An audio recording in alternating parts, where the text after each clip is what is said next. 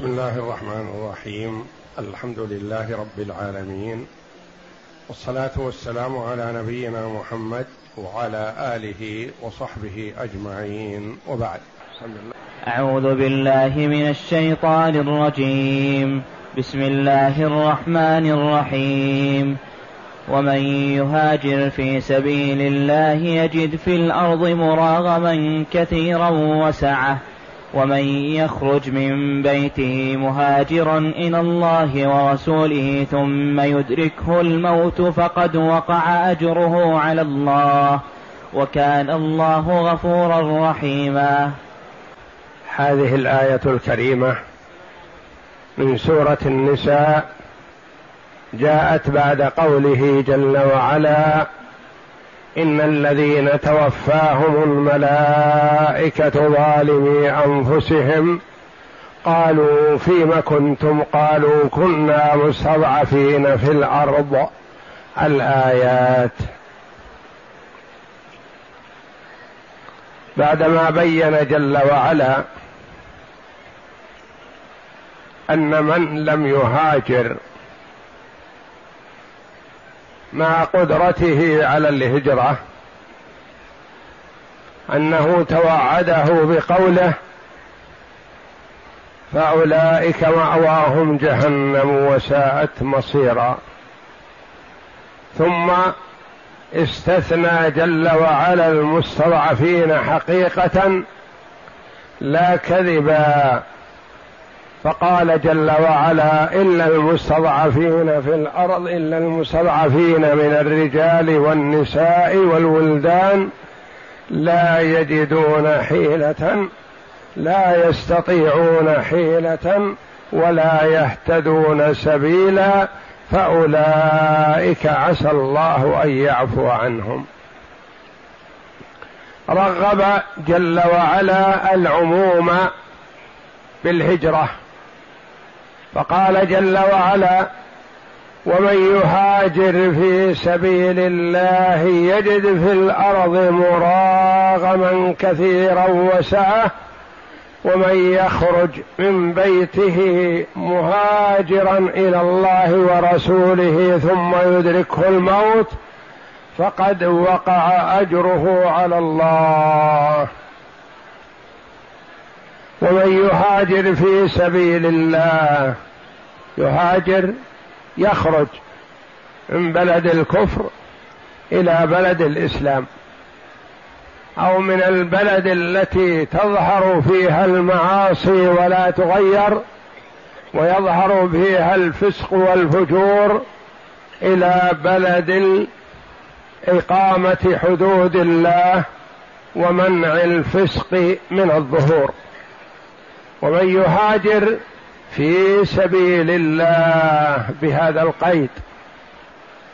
والله أعلم بمن يهاجر في سبيله لأن المرء قد يخرج للكسب لطلب الكسب ويقول أنا مهاجر في سبيل الله.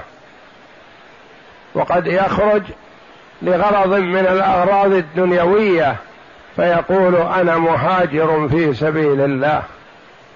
فالله جل وعلا أعلم بمن يهاجر في سبيله ومن يهاجر في سبيل الله لإعزاز كلمة الله لإظهار دين الله للأمر بالمعروف والنهي عن المنكر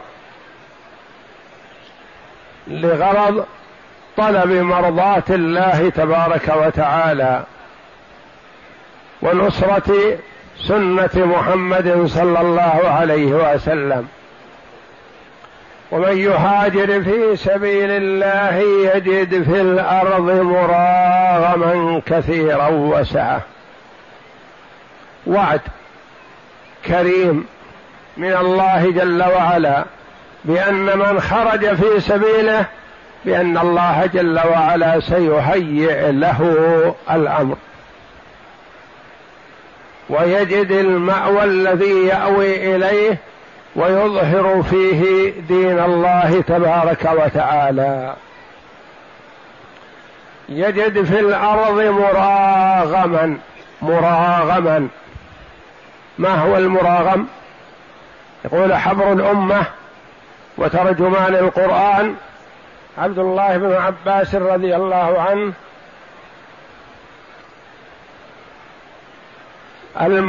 المراغم المتحول والمذهب.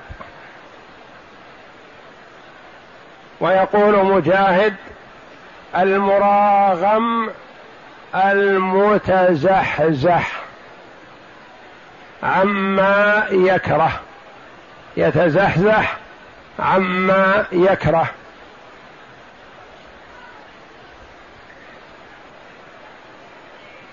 وقال ابن زيد المراغم المهاجر يعني المكان الذي يهاجر إليه. وقال النحاس هذه الأقوال متفقة المعاني. فالمراغم المذهب والمتحول والموضع الذي يراغم فيه أعداءه.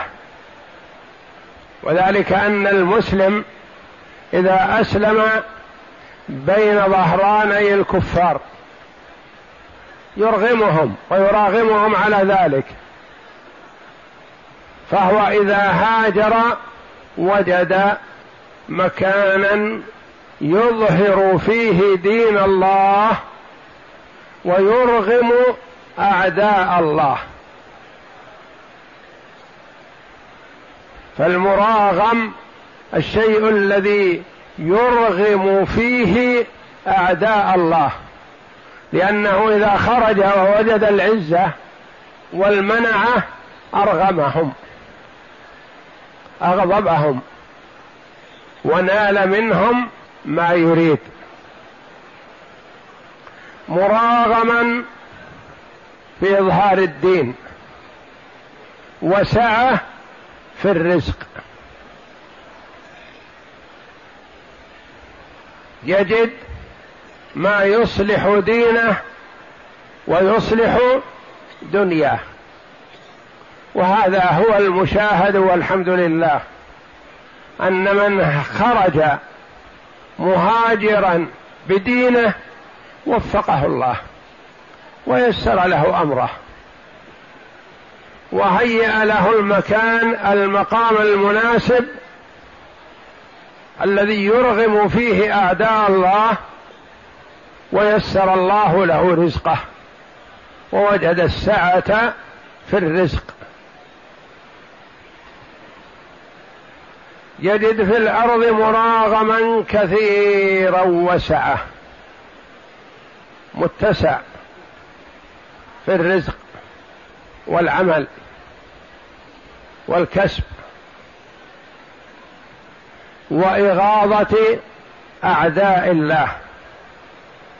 ومن يخرج من بيته مهاجرا إلى الله ورسوله ثم يدركه الموت. بعض الصحابة رضي الله عنهم طلب ممن حوله وهو مريض أن يخرج من مكة ليلحق بالنبي صلى الله عليه وسلم المدينة وهو لا يستطيع بنفسه الخروج. قال أخرجوني من بلد الكفر. فأخرجوه. وفي الطريق مات.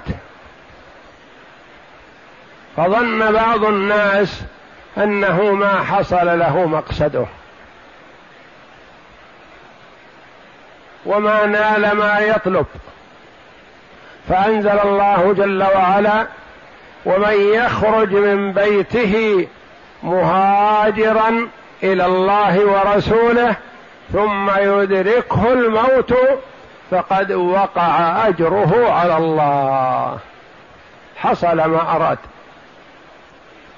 يعطى أجر المهاجر كاملا وإن لم يصل إلى مطلبه. قال العلماء من خرج في أمر ديني لحج فلم ينله. لعمرة فلم ينلها.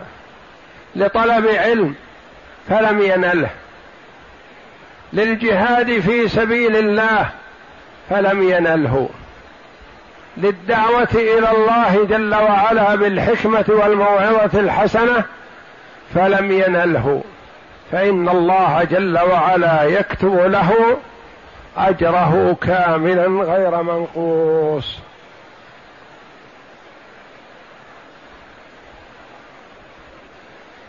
يقول ابن عباس رضي الله عنهما خرج ضمرة بن جندب من بيته مهاجرا فقال لقومه احملوني فأخرجوني من أرض الشرك إلى رسول الله صلى الله عليه وسلم فمات في الطريق قبل أن يصل إلى النبي صلى الله عليه وسلم فنزل الوحي.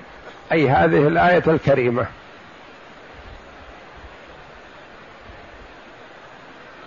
وجاء عن عبد الله بن عتيك الصحابي رضي الله عنه قال سمعت النبي صلى الله عليه وسلم يقول من خرج من بيته مهاجرا في سبيل الله وأين المجاهدون في سبيل الله؟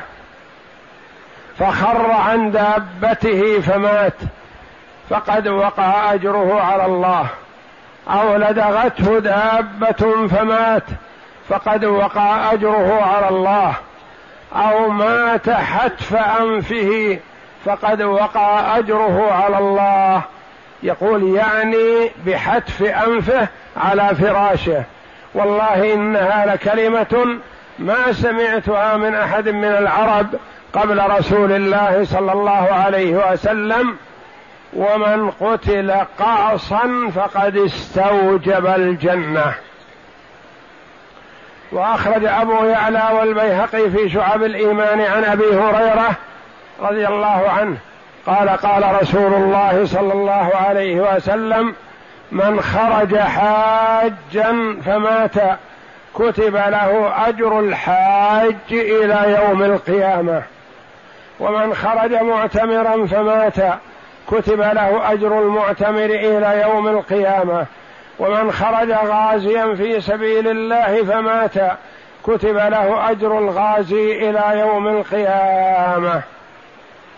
فهذه بشارة من الله تبارك وتعالى لعباده ومنه وكرم منه سبحانه بان من خرج لغرض خيري فلم ينله ما تيسر له.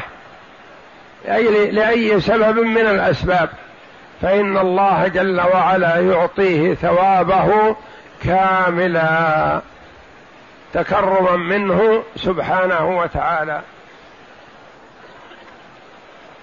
ومن يخرج من بيته مهاجرا الله ورسوله ثم يدركه الموت يعني قبل أن يصل إلى مكان هجرته. فقد وقع أجره على الله. وهذا صريح في هذا الفضل ومنه الحديث الصحيح في الرجل الذي قتل تسعا تسعة وتسعين شخصا. وجاء يسأل هل له من توبة؟ فسأل عابد ليس بعالم. فقال ليس لك توبة. فاختلط سيفه وقتله لأنه أغلق باب الرحمة دونه.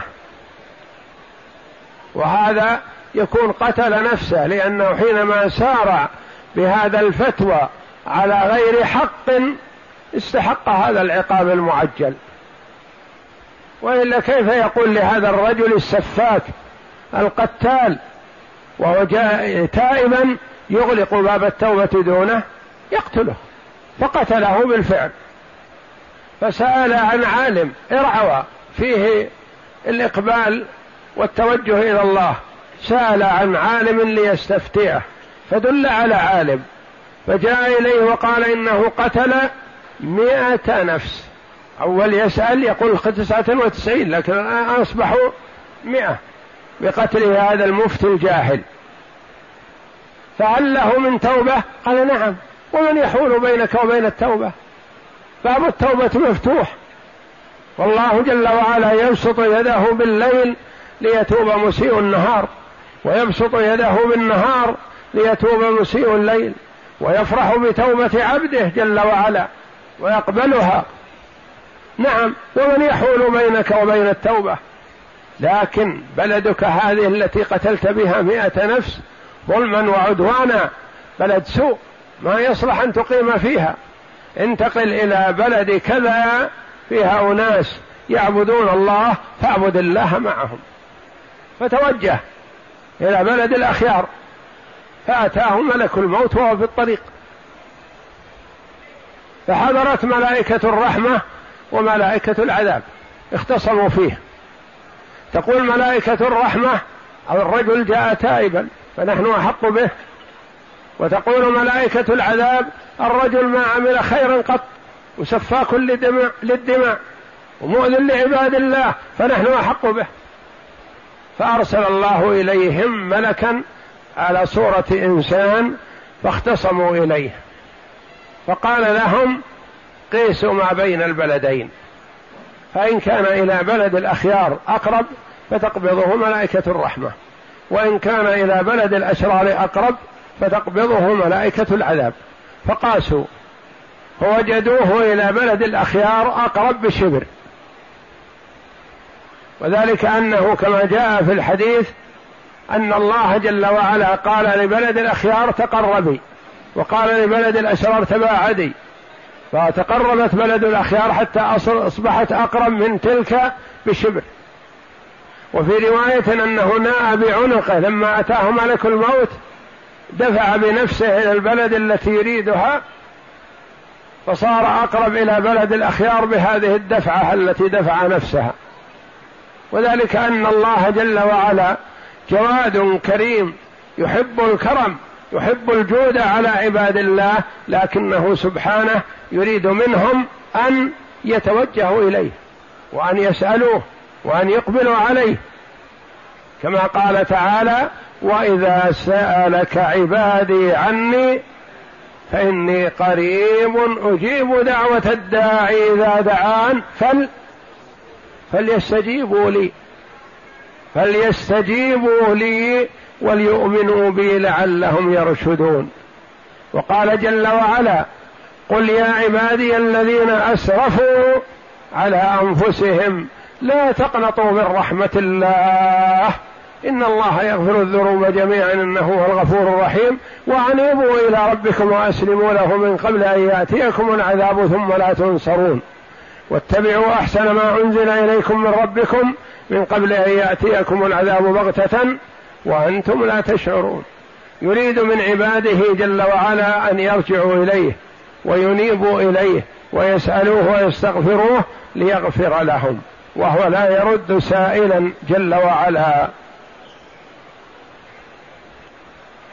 فقد وقع أجره على الله يعني حصل على أجر الشيء الذي أراده.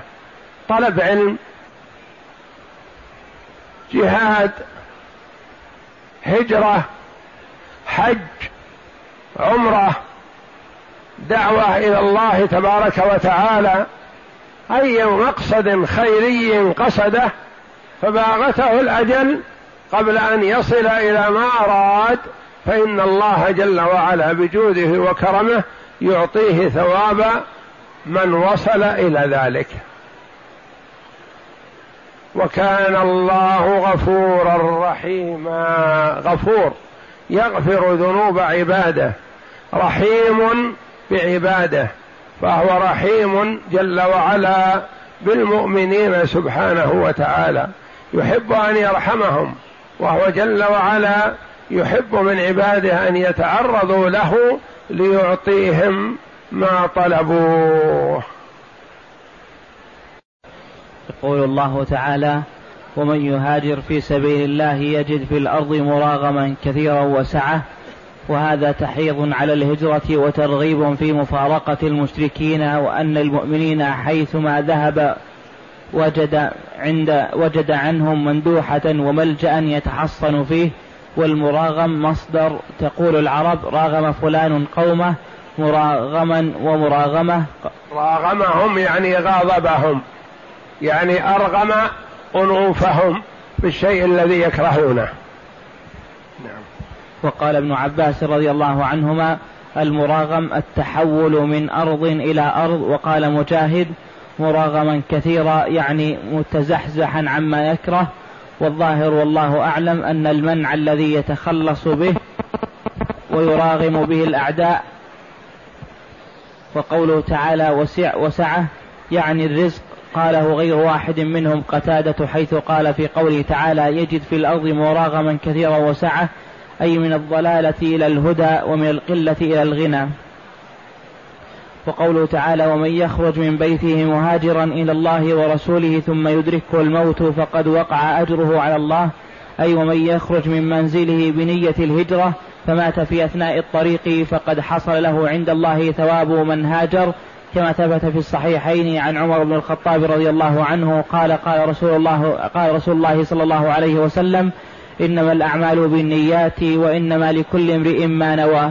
فمن كان نوى الهجرة نوى الجهاد نوى طلب العلم فيعطيه الله جل وعلا ذلك وإن لم يحصل عليه. وإن لم يتمكن من هذا يعطيه الله بنيته. ويبلغ المرء بنيته الحسنة ما لم يبلغ بعمله. كما قال عليه الصلاة والسلام إن بالمدينة رجالا ما سلكتم مسلكا ولا سرتم واديا إلا وهم معكم. شركوكم في الأجر. قالوا يا رسول الله معنا وهم في المدينة؟ قال نعم حبسهم العذر. حبسهم العذر وهم يريدون ذلك. فمن أراد الخير ونواه وحرص عليه وإن لم ينله ولم يتمكن منه فالله جل وعلا يعطيه ذلك. ولهذا جاء في الحديث الصحيح من سأل الله الشهادة صادقا من قلبه أعطاه الله منازل الشهداء وإن مات على فراشه. وعن عمر بن الخطاب رضي الله عنه قال قال رسول الله صلى الله عليه وسلم إنما الأعمال بالنيات وإنما لكل امرئ ما نوى فمن كانت هجرته إلى الله ورسوله فهجرته إلى الله ورسوله. ومن كانت هجرته إلى دنيا يصيبها أو امرأة يتزوجها فهجرته إلى ما هاجر إليه. وهذا عام في الهجرة في جميع وفي جميع الأعمال. ومنه الحديث الثابت في في الصحيحين في الرجل الذي قتل تسعة وتسعين نفسا ثم أكمل بذلك العابد المئة ثم سأل عن عالم عن عالم فقال عن عالم هل له من توبة؟ فقال له ومن يحول بينك وبين التوبة؟ ثم أرشده إلى أن يتحول من بلده التي من بلده إلى بلد أخرى يعبد الله فيها. فلما ارتحل من بلده مهاجرا إلى البلد الأخرى أدركه الموت في أثناء الطريق فاختصمت فيه ملائكة الرحمة وملائكة العذاب. فقال هؤلاء إنه جاء تائبا وقال هؤلاء إنه لم يصل بعد. لم يصل. إنه لم يصل بعد فأمروا أن يقيسوا ما بين الأرضين. فإلى أيهما كان أقرب فهو منها.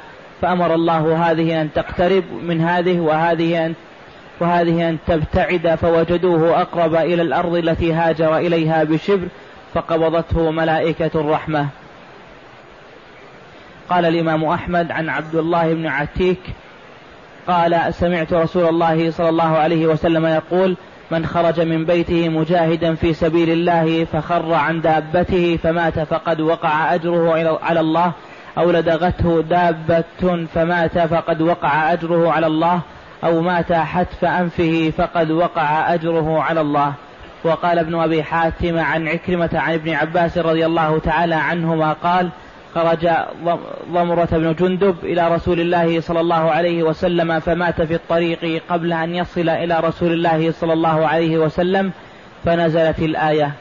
وقال الحافظ أبو يعلى عن أبي هريرة رضي الله عنه قال قال رسول الله صلى الله عليه وسلم من خرج حاجا فمات كتب له أجر الحاج إلى يوم القيامة ومن خرج معتمرا فمات كتب له أجر المعتمر إلى يوم القيامة ومن خرج غازيا في سبيل الله فمات كتب له أجر الغازي إلى يوم القيامة.